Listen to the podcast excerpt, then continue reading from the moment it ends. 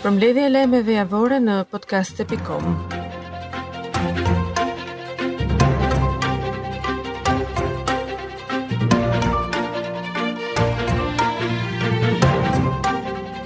Pavarësisht inflacionit nga Ukraina, sektori i ndërtimit vazhdon të ketë ende tendencë rritjeje. Sipas të dhënave të Instat, në tremujorin e fundit të vitit 2022, numri i lejeve të reja të ndërtimit ishin katërqind e pesëmbëdhjetë dhe është rritur me gjashtëmbëdhjetë pikë gjashtë për qind më shumë se në të njëjtën periudhë të vitit dy mijë e njëzet e një, kur ishin miratuar treqind e pesëdhjetë e gjashtë leje.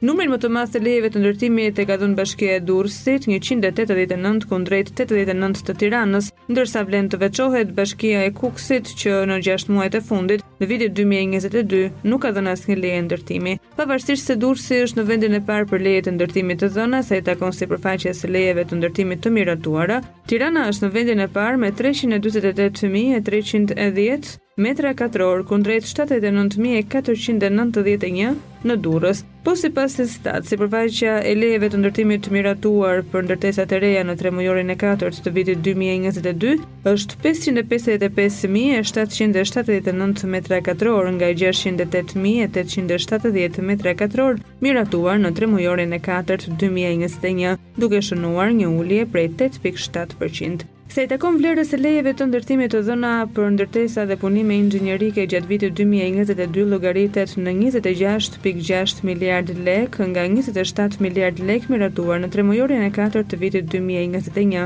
duke shënuar një rënie prej një pikë shtatë për qind. Lidhur me vlerën, vihet re se Tirana edhe këtu mban vendin e parë me dymbëdhjetë milionë e njëqind e pesëdhjetë e gjashtë mijë e shtatëqind e njëzet e pesë milionë lekë, të ndjekur nga Elbasani me tre milionë e tetëqind e tridhjetë mijë e pesëqind e shtatë lekë, edhe pse në Elbasan janë dhënë vetëm njëzet e tre leje ndërtimi. Ndërsa Durrësi edhe pse ka numrin më të madh të lejeve të ndërtimit, vlerën e lejeve të ndërtimit e ka në dy milionë e gjashtëqind e nëntëdhjetë e një mijë e shtatëqind e nëntëdhjetë e shtatë, ose një milion më pak se Elbasani. Gjatë vitit 2022 janë miratuar gjithsej 1420 leje ndërtimi nga 1396 leje të miratuara në vitin 2021, duke shënuar një rritje prej 1.7 për qind. Gjatë vitit 2022, sipërfaqja e lejeve të ndërtimit të miratuar për ndërtesa të reja është dy milion e gjashtëqind e gjashtëdhjetë e shtatë mijë e katërqind e nëntëdhjetë e shtatë metra katrorë, nga dy milionë e treqind e gjashtëmbëdhjetë mijë e shtatëqind e nëntë që në vitin dy mijë e njëzet e një, duke shënuar një rritje prej pesëmbëdhjetë pikë një përqind. Vlera e afërt e lejeve të ndërtimit miratuar për ndërtesa dhe punime inxhinierike është njëqind e trembëdhjetë miliardë lekë në vitin dy mijë e njëzet e dy, nga nëntëdhjetë e nëntë pikë dy miliardë lekë miratuar gjatë vitit dy mijë e njëzet e një, duke shënuar një rritje prej katërmbëdhjetë përqind. Ajo që bie në sy është fakti se lejet e ndërtimit kryesisht janë miratuar për linjat e ujësjellësit, linjat elektrike dhe telekomunikacion, me vlerën dy milionë e shtatëqind e shtatëdhjetë e shtatë mijë e njëqind e tridhjetë e pesë lekë, ndërsa investimet për hotele, zyra apo objekte tregtare kapin vlerën në total një milionë e gjashtëqind e tridhjetë e gjashtë mijë e njëqind e njëzet e tre lekë.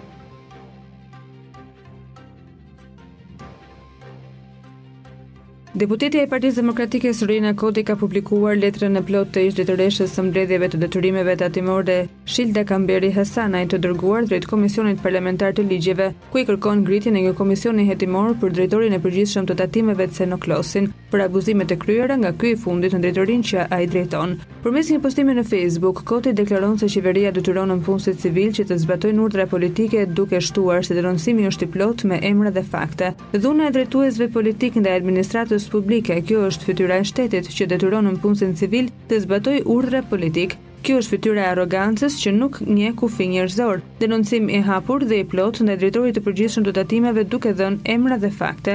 Drejtësia duhet të bëjë punën e vet. Kjo arrogancë, ky abuzim me qytetarët dhe nëpunësit civilë duhet të marrë fund, shkruan Koti. Ndërkohë në letrën dërguar Komisionit, Shilda Kamberi Hasanaj, e cila ka punuar për njëzet e tre vite në tatimet dhe më pas është pushuar nga puna, ka kërkuar ngritjen e një komisioni hetimor për drejtorin e përgjithshëm të tatimeve Ceno Klosin, për abuzimet e kryera nga ky i fundit në drejtorinë që ai drejton. Hasanaj ka dhënë edhe fakte se si Klosi dhe drejtorët pranë tij i bëjnë presion psikologjik dhe i kërcënojnë punonjësit e administratës me bukën e fëmijëve në varësi për të kryer veprime në kundërshtim me ligjin. Sipas të dhënave të bëra publike në databazën e Eurostat, janë rreth pesëqind e pesëdhjetë e katër mijë shtetas shqiptarë të cilët janë larguar nga vendi vitet e fundit dhe kanë arritur të marrin pasaportë në një nga vendet e Bashkimit Europian që nga viti dy mijë e dy. Numri më i lartë i pasaportave është dhënë në vitin dy mijë e gjashtëmbëdhjetë me rreth gjashtëdhjetë e shtatë mijë.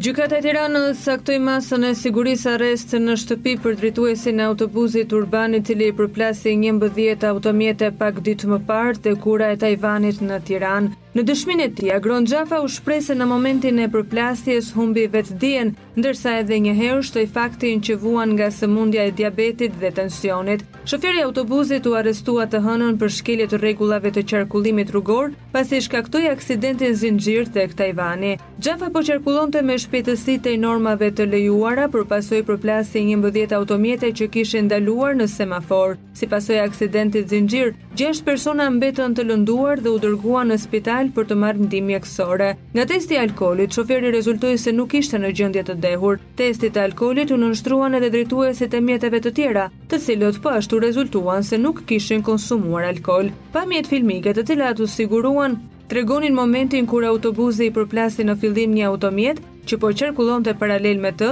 më pas godet një automjet tip Porsche, më pas krijon aksident zinxhir dhe përplas nëntë automjete të tjera. Një ditë pas negociatave me dyer të mbyllura në selinë e Partisë Demokratike, Ilir Meta depozitoi në Komisionin Qendror të Zgjedhjeve kërkesën që Partia e Lirisë të regjistrohet Në zgjedhjet lokale të katërmbëdhjetë majit, aleati i Berishës nuk priti për vendimin e Gjykatës së Apelit për t'i dhënë fund dilemës së firmës dhe vulës së Partisë Demokratike. Vetëm një ditë para seancës së planifikuar në Apel, Meta depozitoi kërkesën për regjistrimin në zgjedhje së bashku me vërtetimin e Gjykatës së Tiranës, vërtetim i cili grupimit Berisha i mungon. Gjykata e Tiranës e shtyu vendimin për çregjistrimin e Lulzim Bashës si kryetar i Partisë Demokratike dhe konflikti mes dy grupimeve demokrate vijon të jetë në pritje të një vendimi të formës së prerë nga Gjykata e Apelit. Presioni i kohës sa vjen dhe shtohet. Data gjashtë mars është afati i fundit kur subjektet politike do të kenë mundësi për t'u regjistruar pranë KQZ-së. Në këto rrethana, një skenar i mundshëm elektoral mbetet ai i zgjedhjeve të pjesshme lokale të gjashtë marsit, ku Berisha, i përfshiu kandidatët e tij në listën e koalicionit Shqipëria e Lirisë, të krijuar me Monika Kryemadhin. Një grup kriminal i cili ushtronte kultivimin e kanabisit me anë të llampave në Tiranë është goditur nga policia që ka sekuestruar lëndë narkotike me vlerë njëqind mijë euro dhe ka arrestuar tre persona. Ata bënin gati lëndën narkotike në shtëpinë e dyzet e katër vjeçarit në Mallkuç të Fushë-Krujës, e paketonin dhe e shisnin. Nga operacioni i koduar Shtëpia Jeshile, në kuadër të të cilit u kapën dhe u arrestuan në flagrancë, Ervin Prifti, banues në Tiranë, Artan Muça, dyzet e katër vjeç, banues në Mallkuç, Fushë-Krujë, Gentian Muça, njëzet e gjashtë vjeç, banues në Mallkuç, Fushë-Krujë. Drejtoria e Drejtorisë Vendore të Policisë Tiranë, drejtuesi i parë Tonin Vocaj në një deklaratë për shtyp dha detajet lidhur me këtë operacion. Kryetari i Partisë Demokratike Sali Berisha ka denoncuar vendimin e qeverisë për auditimin e kushteve teknike të pallateve të ndërtuara para vitit 1983. Berisha thotë se ky vendim do të thotë të rishtetizosh ato. Duke folur për rrëzimin e kërkesës së opozitës nga parlamenti shqiptar, Petrit Vasili tha se mazhoranca synon që të eliminojë deputetët e opozitës nga parlamenti. Vasili i kujtoi mediave gjuhën ofenduese që përdor kryeministri Rama në parlament. Partia e Lirisë ka denoncuar me forcë veprimet e shumtuara të Rilindjes, që kërkon t'u rrëmbejë të drejtën studentëve për të protestuar. Sipas Partisë së Lirisë, studentët që kanë marrë pjesë në protesta po intimidohen dhe ngelur në provime si hakmarrje ndaj pjesëmarrjes në protesta. Kryekomisioneri i Komisionit Qendror për Zgjedhjet, Ilirian Celibashi, ka deklaruar se janë ende njëzet e një bashki që nuk kanë sjellë informacione ende pranë Komisionit Qendror të Zgjedhjeve, ndërkohë që ka dhënë shpjegime në lidhje me kërkesat e partive politike për t'u regjistruar në këto zgjedhje. Celibashi tha se deri më tani janë njëzet e një parti që kanë paraqitur kërkesën për t'u regjistruar në zgjedhjet vendore. Dy persona të vdekur dhe tre të plagosur, anëtarë të një familje është bilanci i një krimi të ndodhur në zonën e Paskuqanit në Tiranë. Autori dyshohet se është ish dhëndri, shtetasi i identifikuar si Ramazan Kuta. Shkaqet e ngjarjes nuk dihen ende, por paraprakisht Bëhet me dije se autori është rreth 35 vjeçar, ai kishte pak kohë që kishte dalë nga burgu dhe ishte ndarë nga gruaja e tij. Kanë qenë banorët e zonës ata që kanë njoftuar policinë menjëherë sapo kanë dëgjuar të shtënat e armëve.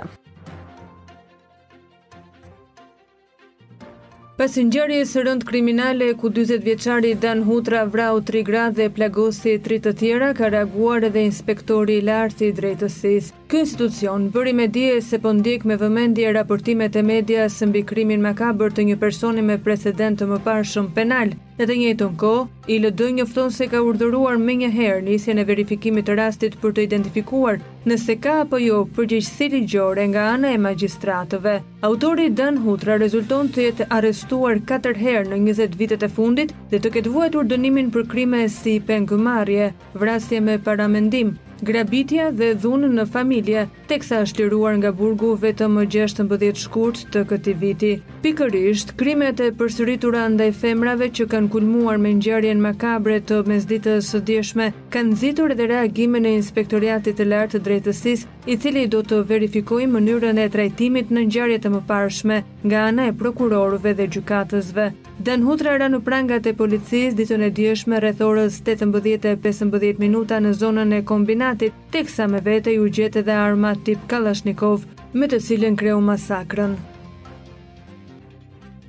Një 50 vjeçar ka rënë në prangat e policisë së Vlorës pasi akuzohet për shitje të lëndëve narkotike. Bëhet me dije se në pranga ka rënë shtetasi me iniciale AG, 50 vjeç, banues në Vlorë. Gjatë kontrollit në banesën e këtij shtetasi në fshatin Peshkëpi të Selenicës, shërbimet e policisë gjetën dhe sekuestruan në cilësinë e provës materiale Një pikë katër kilogramë lëndë të dyshuar narkotike kanabis.